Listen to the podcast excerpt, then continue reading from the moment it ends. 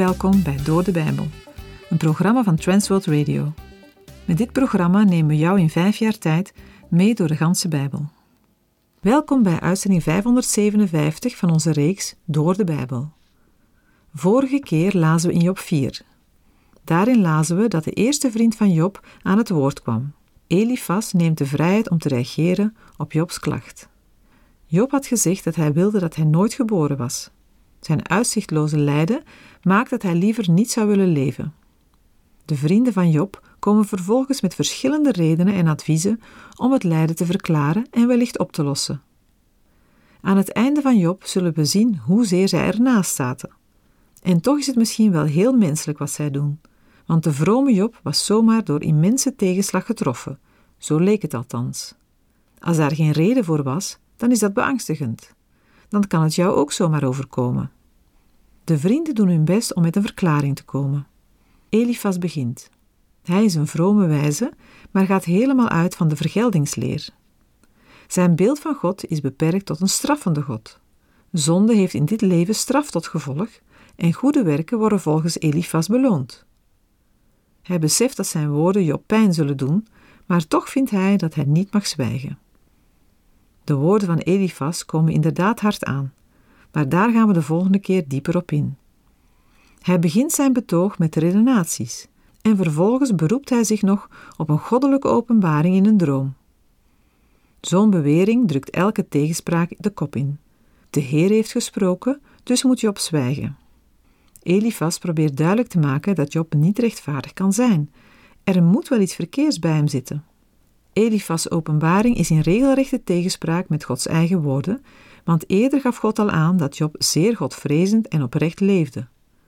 Dit voorbeeld is nog steeds een aansporing om alles wat gezegd wordt altijd te onderwerpen aan de toets van de Bijbel. De woorden die afwijken van wat God zelf zegt, hebben geen bestaansrecht.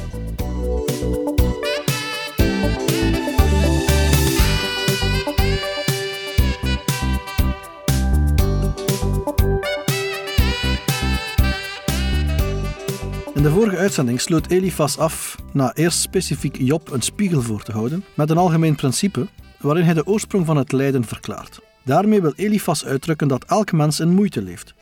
Deze moeite is volgens hem deels door het individu zelf veroorzaakt en is deels een gegeven. Toch ligt zijn nadruk, wat Job betreft, op de moeite die wordt veroorzaakt door de mens zelf. Nu zal hij verder gaan door Job aan te raden God te zoeken en hem zijn situatie voor te leggen. Wat hij hier zegt, en hij zegt het werkelijk op een prachtige manier, is dat God getrouw is, dat God goed is en dat God rechtvaardig is. Terwijl dit waar is, bereikt het niet de kern van het probleem van Job. Elifas praat in feite niet eens tegen Job. Laten we zijn woorden lezen. Job 5, versen 8 en 9. Maar ik zou zelf God zoeken en mijn woord tot God richten. Hij doet grote dingen die niemand kan doorgronden, wonderen die niet te tellen zijn. Elifas zegt dat als hij zelf in de schoenen van Job zou staan, dan zou hij naar God vragen en aan hem zijn zaak voorleggen, alsof Job dat nog niet gedaan heeft. Ter ondersteuning van zijn advies gaat Elifas Gods majesteit beschrijven. De Heer doet grote en ondergrondelijke dingen en verricht ontelbaar veel wonderen. Een gelijkaardige omschrijving zullen we ook terugvinden in het antwoord van Job aan Bildad, in Job 9, vers 10. Vervolgens worden concrete daden vermeld. Job 5, vers 10.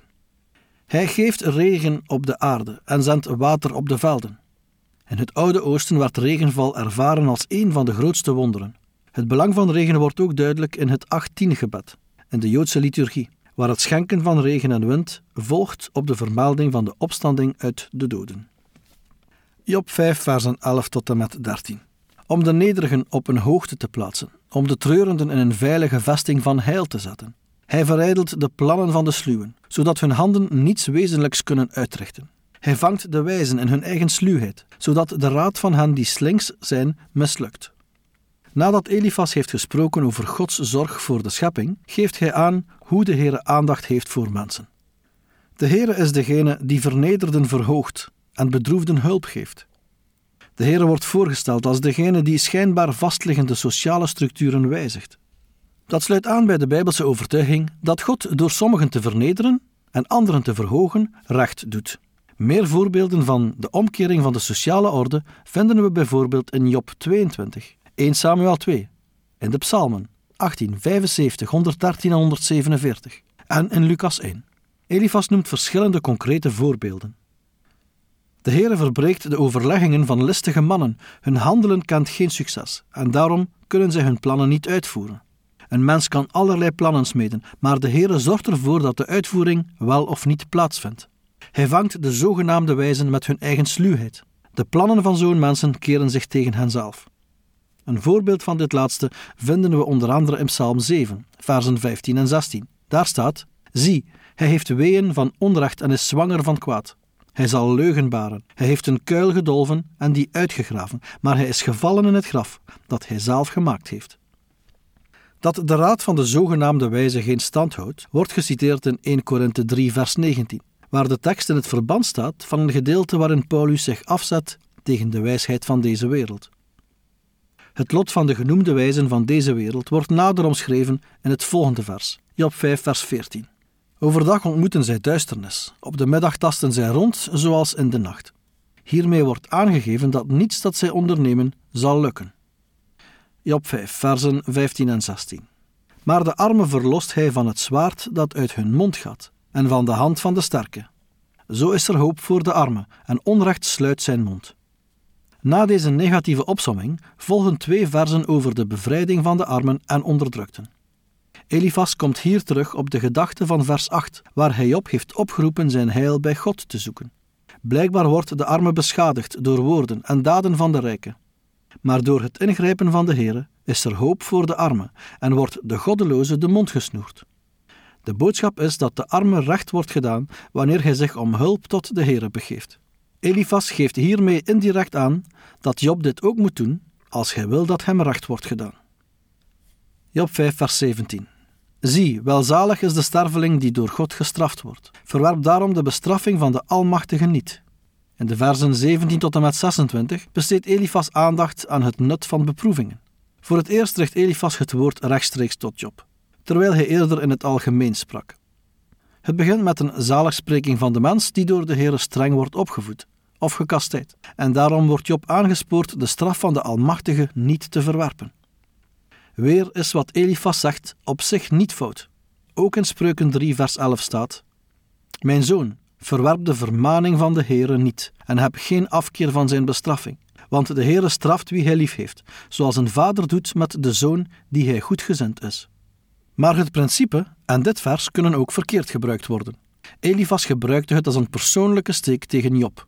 Kastijding is niet altijd de reden dat Gods mensen lijden, zoals we hebben gezien. Soms kan iemand dit vers gebruiken als een dolk om in het hart van een vriend te stoten. Het is een aardige manier om te zeggen: Je hebt problemen omdat je verkeerd hebt gedaan en God je corrigeert. Wel, het kan zijn, maar het kan ook niet zo zijn. Wie zijn wij om zo'n oordeel te vellen? Hebben wij een telefoonlijn naar de hemel? Heeft de Heer ons een geheim onthuld? Wij kunnen niet altijd spreken over het probleem van iemand anders. En iemand anders kan niet altijd spreken over jouw probleem. Hoewel de uitspraak van Elifas waar kan zijn, is die niet van toepassing op Job. Job 5, vers 18. Want hij doet smart aan en hij verbindt. Hij verwondt en zijn handen genezen. Elifas wil dat Job weet dat zijn smart en verwondingen door de Almachtige zijn aangedaan. Maar Job mag ook weten dat de verlossing van dezelfde hand zal komen. De Heer kan slaan en tuchtigen, maar ook herstel en genezing geven. Job 5, vers 19. In zes benauwdheden zal hij redden en in zeven zal het kwaad je niet treffen. Deze uitdrukking komt in het Oude Testament en in het Oude Oosten vaker voor. Ook in Spreuken 6, vers 16 staat: Deze zes haat de Heer. Ja, zeven zijn een gruwel voor zijn ziel. Met het aantal van zes of zeven wordt een afgerond geheel aangeduid, wat niet betekent dat er ook daadwerkelijk zeven rampen worden bedoeld. Het is ook niet maar alleen een poëtische uitdrukking. Hier betekent zeven niet het getal van volmaaktheid, maar het getal van compleetheid, de zevende dag was bijvoorbeeld de voltooiing van één week. Zeven is het getal van compleetheid hier. Het geeft het totale spectrum van de problemen van de mens weer. Job 5, versen 20 en 21. In de honger verlost hij je van de dood, en in de oorlog van het geweld van het zwaard. Voor de geestel van de tong zul je verborgen zijn, en je zult niet bevreesd zijn voor de verwoesting, als die komt. God zal je uit deze zeven problemen redden. In hongersnood zal hij je van de dood verlossen, in oorlog van de macht van het zwaard en van de geestel van de tong. Terecht wordt hier gesproken over de geestel van de tong. Niets kan zoveel schade aanbrengen als woorden. Ook het Nieuwe Testament verwettigt ons ervoor. In Jacobus 3, versen 3 tot en met 6 lezen we: Zie, wij leggen de paarden een bit in de mond, opdat ze ons zouden gehoorzamen, en wij sturen daarmee heel hun lichaam. Zie, ook de schepen, al zijn ze nog zo groot en worden ze door harde winden voortgedreven. Ze worden gestuurd door een zeer klein roer, waarheen de stuurman ook maar kiest en wel. Zo is ook de tong een klein lichaamsdeel en roemt toch van grote dingen. Zie eens hoe een klein vuur een grote hoop hout aansteekt. Ook de tong is een vuur, een wereld van ongerechtigheid. Zo staat het met de tong onder onze lichaamsdelen. Ze bevlekt het hele lichaam en zet onze levensloop vanaf het begin in vlam. En ze wordt zelf door de hel in vlam gezet. Job 5, vers 22. Om de verwoesting en om de honger zul je lachen, en voor de wilde dieren van de aarde zul je niet bevreesd zijn. Wie door de Heere wordt beschermd, moet niet bang zijn dat verwoesting over hem komt. Hij of zij kan er zelfs om lachen. Job 5, versen 23 tot en met 26. Want je hebt een verbond met de stenen van het veld, en je hebt vrede met de wilde dieren van de aarde. Je zult ondervinden dat je tent in vrede is. Je zult zorgen voor je woning, en daarin niet falen. Je zult ondervinden dat je nageslacht talrijk is, en je nakomelingenschap als het gewas van de aarde. Je zult in hoge ouderdom in het graf komen, zoals een korenhoop op zijn tijd binnengehaald wordt. In deze versen geeft Elifas argumenten waarom Job niet bang moet zijn voor de genoemde gevaren. Stenen zijn hinderlijk in de landbouw. Een veld vol stenen kan ervoor zorgen dat de akker geen oogst geeft. Door aan te geven dat een verbond met de stenen wordt gesloten, zegt gij dat de stenen geen belemmering zullen zijn voor de uitvoering van het werk van Job. Maar door te spreken over nakomelingenschap als het gewas van de aarde, wordt duidelijk dat Elifas alle tact en fijngevoeligheid laat varen. Want ten grondslag aan dit beeld ligt het belang voor een oosterling van een groot gezin en familie. En kort geleden zijn alle kinderen van Job gestorven. De beschrijving van de zegeningen loopt uit in het levenseinde. Op zichzelf genomen is de dood niet goed, maar hier wordt een vorm van sterven bedoeld die positief kan worden gewaardeerd. Een lang leven wordt geschonken aan mensen die een wijs leven leiden. Een voortijdige dood geldt als een vloek en daarmee als teken van goddelijke afkeuring. Job 5, vers 27. Zie dit, wij hebben het onderzocht, zo is het. En jij, luister ernaar en weet het voor jezelf. De twee hoofdstukken met woorden van Elifas worden afgesloten met een oproep aan Job. Elifas deelt mee dat dit zijn bevindingen zijn en dat deze juist zijn en waar zijn. Ook sprekend namens zijn vrienden roept hij Job op te luisteren en de woorden ter harte te nemen.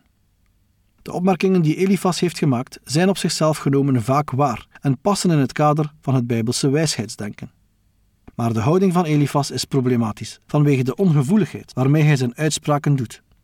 Hij begint met een passende stilte, gaat over tot kritiek en presenteert vervolgens voorbeelden van godsdienstige logica, waarbij hij zich ook nog eens op een openbaring beroept, om daarmee een eind te maken aan alle tegenspraak.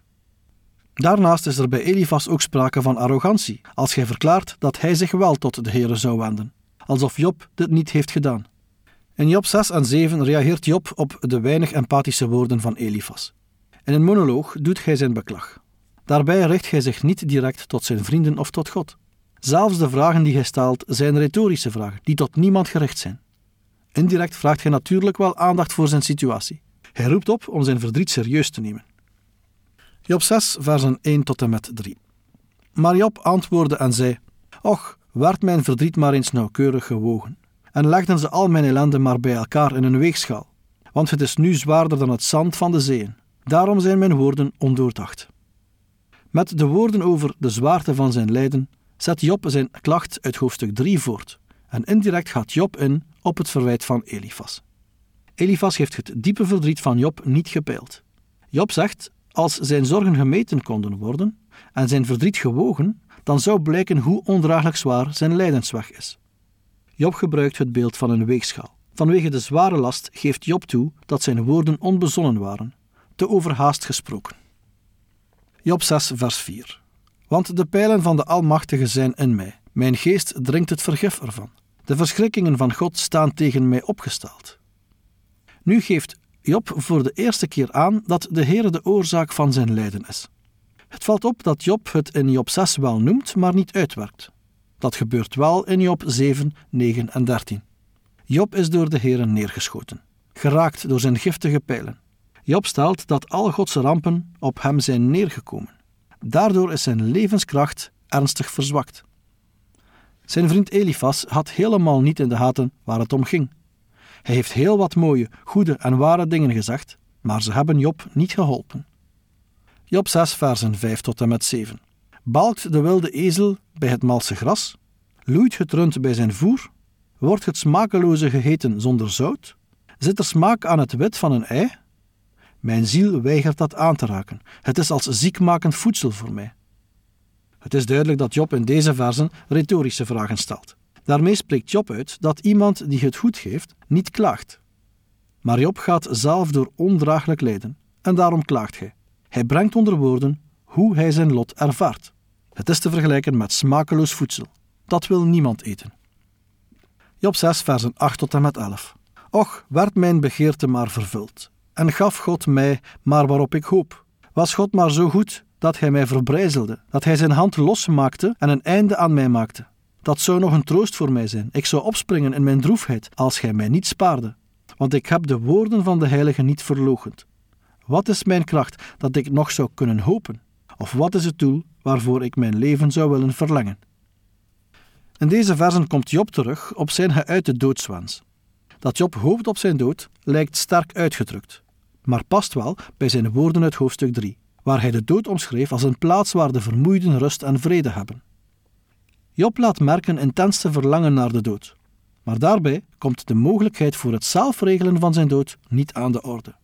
Ook bij Gods volk was zelfmoord geen reële optie. Het gebeurde wel eens dat een ernstig gewonde strijder vroeg gedood te worden, zodat hij niet in de handen van de vijand kwam, maar in het algemeen was een zelfgekozen dood geen optie voor een Israëliet. Job weet dat hij de Heer niet heeft verloochend, en daarom zou hij eervol de dood ingaan.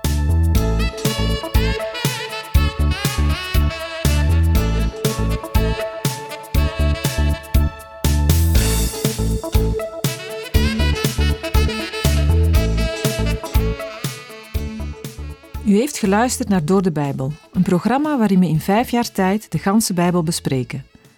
De basis voor het programma is de Bijbelstudiereeks van Dr. Vernon McGee, Through the Bible.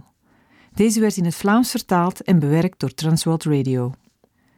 U kan elke werkdag naar een nieuwe uitzending luisteren en u kan ook steeds voorbije uitzendingen opnieuw beluisteren of downloaden.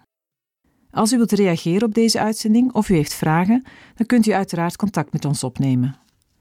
U kan een e-mail sturen naar doordebijbel.twr.be. Verder kan u op onze site terecht, www.twr.be, voor meer info en het beluisteren van onze overige programma's. Dit programma werd gepresenteerd door Patrick Couchement en Anne Notenboom. Wij danken u voor het luisteren en graag tot een volgende keer.